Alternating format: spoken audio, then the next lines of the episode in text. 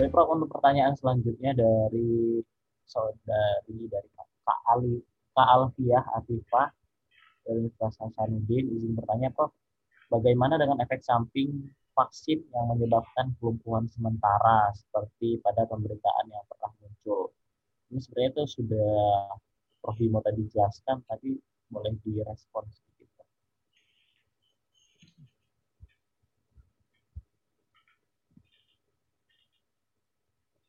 Ya, tadi uh, pertanyaannya apa?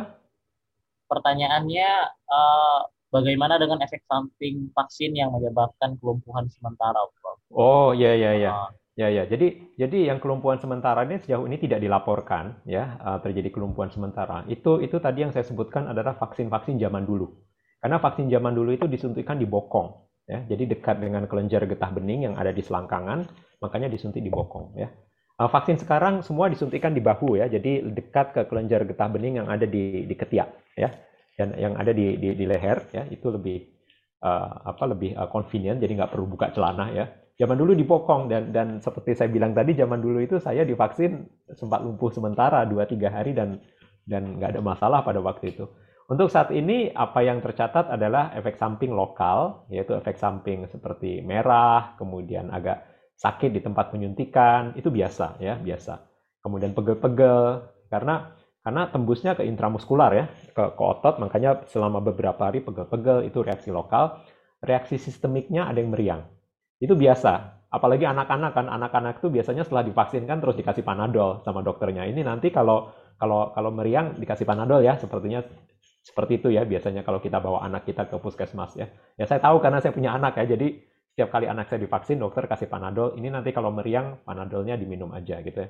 Jadi reaksi sistemiknya seperti demam, kemudian ada yang ngerasa capek, ada yang melaporkan uh, lapar, itu ada. Ya saya bilang lapar ya makan. Kemudian ada yang melaporkan ngantuk, yang ngantuk ya tidur gitu, apa susahnya ya. Anak-anak juga ya. Anak-anak itu beberapa anak-anak uh, setelah divaksin mereka ngantuk. Jadi kelihatannya reaksi ini universal ya. Kemudian ada yang teman saya sempat nggak tahu dia joke atau enggak, eh setelah divaksin tiba-tiba dia pikirannya blank gitu. Ujian ujian itu nggak nggak nggak bisa mikir gitu. Ya, ya itu nggak belajar bukan karena vaksin. Gitu. alasan aja ya prof itu menyalahkan vaksin hanya karena tidak belajar ya. Iya. Jadi jadi uh, itu reaksinya rata-rata ringan ya. Nah ada yang bertanya bisa nggak sih menyebabkan kematian sejauh ini tidak ada? Ya. COVID kematiannya dua persen vaksin sampai saat ini sudah diberikan ke lebih dari 50 juta orang, tidak ada kematian. Yang ada adalah reaksi anafilaktik, yaitu misalnya setelah divaksin dalam waktu 10 menit kemudian dia pingsan ya karena tekanan darah turun kemudian dia pingsan. Yang terjadi adalah kasus anafilaktik yaitu reaksi uh, uh, apa uh, efek samping yang berat ya. Itu antara 2 sampai 5 kasus per 1 juta dosis. Ya, sekali lagi 2 sampai 5 kasus reaksi anafilaktik per 1 juta dosis. Jadi berapa persen itu 0,00000 sekian persen ya. Jadi jadi berbeda sekali dengan resiko kematian akibat COVID yang 2 persen. Jadi dari sini disimpulkan bahwa uh, tidak ada reaksi yang serius terhadap uh, vaksin COVID-19. Baik, Prof. Uh, jadi lebih tercerahkan ya, Prof. uh, terkait ya, efek samping tentunya ini menjadi pertanyaan sangat universal dari masyarakat. Untuk selanjutnya ini alhamdulillah ya Prof banyak banyak dari teman-teman yang bertanya ternyata. Uh, dari Alisa Nurul Haq uh, dari Universitas Siliwangi izin bertanya terkait efikasi vaksin yang ternyata hasilnya bisa berbeda-beda, kemudian mutasi mutasi gen virus di suatu negara itu dapat mempengaruhi. Uh, itu seperti yang dijelaskan tadi. Terus saya ingin bertanya, kenapa itu bisa terjadi, Prof? Apakah kondisi geografis suatu negara pun itu turut mempengaruhi? Terima kasih. Baik, uh, pertanyaannya bagus. Jadi kenapa efikasi vaksin itu berbeda-beda di setiap negara? Itu tergantung protokol uji klinis. Ya, tergantung protokol uji klinis di negara tersebut seperti kita tahu, setiap negara memiliki protokol uji klinis yang berbeda-beda. Misalnya saya ambil contoh vaksin Sinovac. Kenapa di Turki bisa 90%, di Indonesia 65%, di Brazil bisa jatuh sampai 50%. Karena di Brazil itu relawannya adalah nakes, tenaga kesehatan yang setiap hari mereka terpapar virus di rumah sakit. Ya, sehingga kemungkinan mereka untuk terpapar dengan jumlah virus yang lebih banyak itu sangat tinggi. Sedangkan di Turki dan di Indonesia, itu jumlah nakes yang terlibat, terlibat dalam uji klinis itu sangat sedikit. Apalagi di Indonesia, di Indonesia itu relawannya adalah masyarakat umum untuk lebih merepresentasikan, ya, untuk lebih mewakili komposisi masyarakat.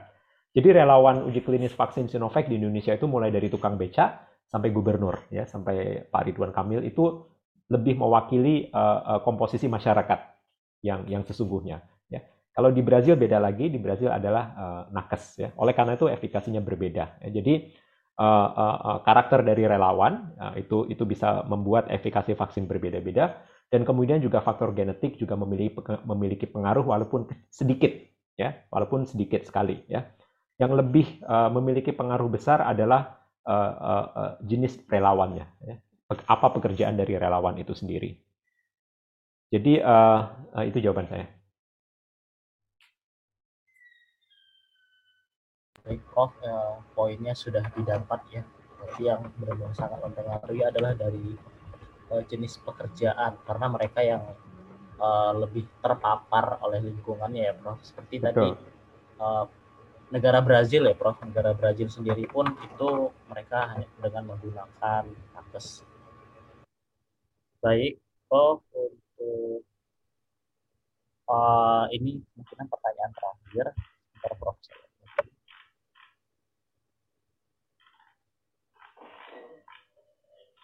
Pertanyaan dari uh, Siva, Stikes Surya Global uh, Yogyakarta, izin bertanya terkait mindset masyarakat yang berpikir bahwasanya virus COVID itu akan menjadi virus biasa seperti uh, influenza suatu uh, seperti influenza suatu saat nanti katanya dan itu menjadi efek yang acuh kepada masyarakat terhadap protokol kesehatan prokes. Nah, bagaimana cara atau strategi kita nih sebagai tenaga kesehatan untuk meyakinkan masyarakat supaya bisa mematuhi prokes untuk memutuskan tali penularan itu, sedangkan uh, mereka sama vaksin pun benar-benar tidak percaya, tidak yakin bakal uh, menghilangkan virus tersebut.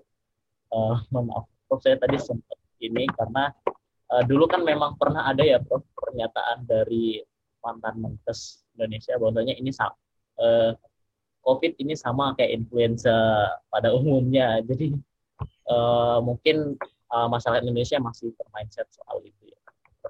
Uh, boleh silakan Oke, yang pertama bagi yang mengatakan bahwa COVID ini sama seperti flu, silahkan ke rumah sakit, ya, silahkan ke rumah sakit. Tidak pernah dalam sejarah kita, dalam sejarah Republik ini, flu bisa menyebabkan rumah sakit itu penuh.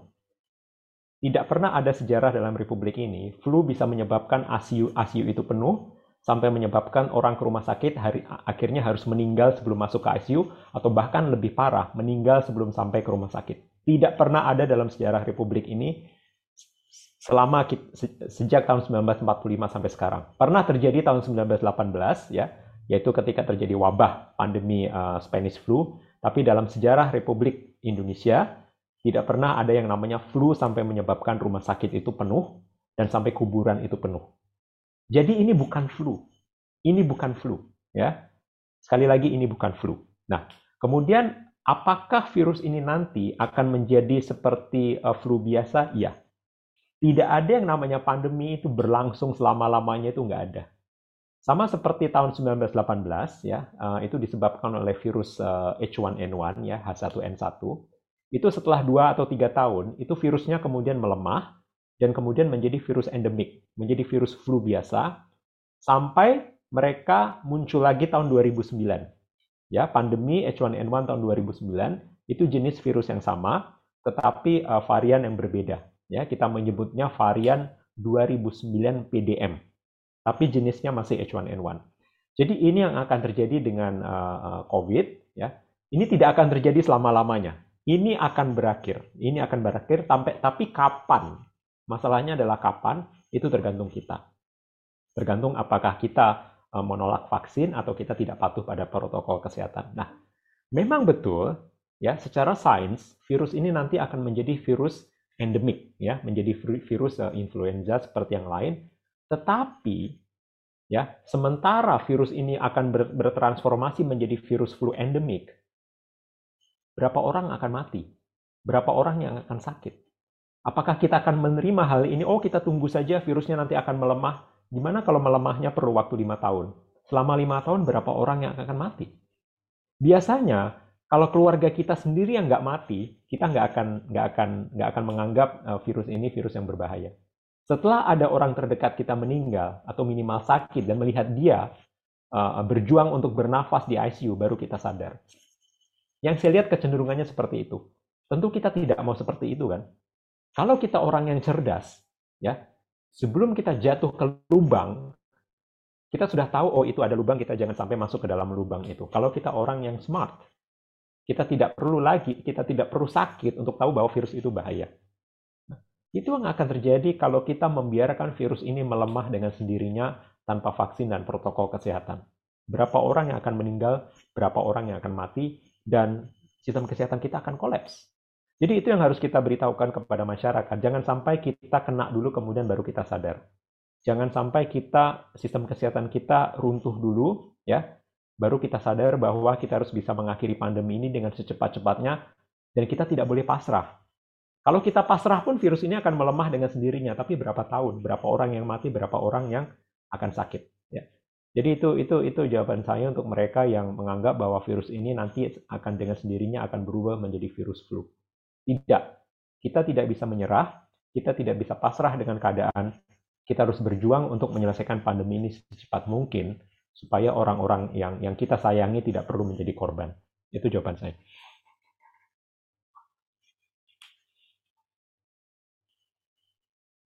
Baik, Prof.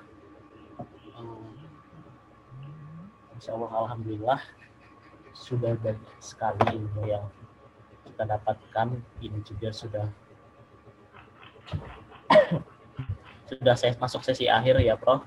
Uh, sudah banyak ya seperti yang tadi saya ulangi uh, bahwasanya di sini kita tidak bisa ya berpikiran ini akan menjadi hal yang biasa dan ini uh, ya sudahlah biarkan aja nanti juga bakal hilang sendiri. Bahkan uh, saya kemarin sendiri pribadi pernah beberapa ketemu supir travel supir angkot gitu Prof. Mereka masih nggak yakin dan bukan nggak yakin bahkan nggak percaya Prof. Karena memang COVID itu nggak kelihatan. Statementnya hanya itu. COVID itu nggak kelihatan. Sehingga e, memang sangat dibutuhkan sekali pencerdasan atau bisa dibilang informasi yang secara masif dan tepat itu harus disebarluaskan ya Prof ke masyarakat. Betul, ya COVID tidak kelihatan tapi kuburan kelihatan, rumah sakit kelihatan, ICU kelihatan ya. Jadi kalau teman-teman ikutin apa uh, narasi ya, narasi newsroom ya di, di Instagram, mereka punya dua episode, khusus tentang kondisi rumah sakit ya ICU ya.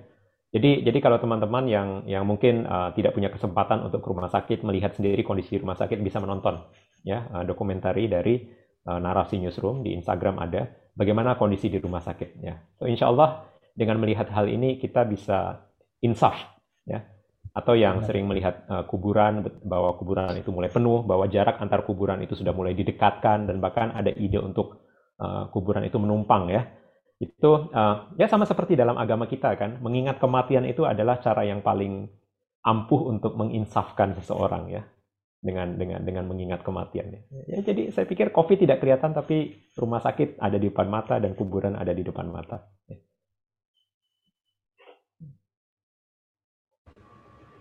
tadi belum benar Prof ini alhamdulillah uh, saya rasa semoga dari teman-teman mahasiswa atau dari dari kakak-kakak tenaga kesehatan yang telah hadir dalam acara live teaching jago preventif. Tak terasa Prof ternyata sudah cukup lama uh, kita bercuap dan saling berdiskusi tentunya menambah ilmu bagi saya pribadi dan juga bagi kakak-kakak semuanya dan mungkin bagi Prof Bimo nambah apa ya nambah pahala nambah ladang pahala tentunya Prof karena telah mengedukasi kami.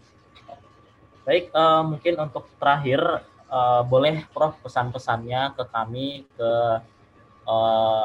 teman-teman uh, jago preventif ataupun ke mahasiswa dan tenaga kesehatan yang telah hadir di sini uh, uh, yang lainnya untuk agar kami tetap supaya optimis dan juga supaya semangat karena di sini saya yakin di sini rata-rata uh, kaum kaum muda semua bro. Jadi kami sangat perlu ya, ya. motivasi ya. seperti itu.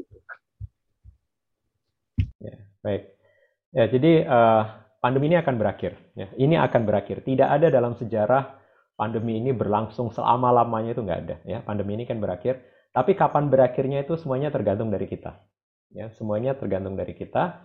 Kita ingin mengakhirinya dengan cepat, bisa. Ya, ada negara yang sedang membuktikannya seperti Israel, mereka ingin mengakhiri dengan cepat, yaitu dengan vaksinasi dan protokol kesehatan.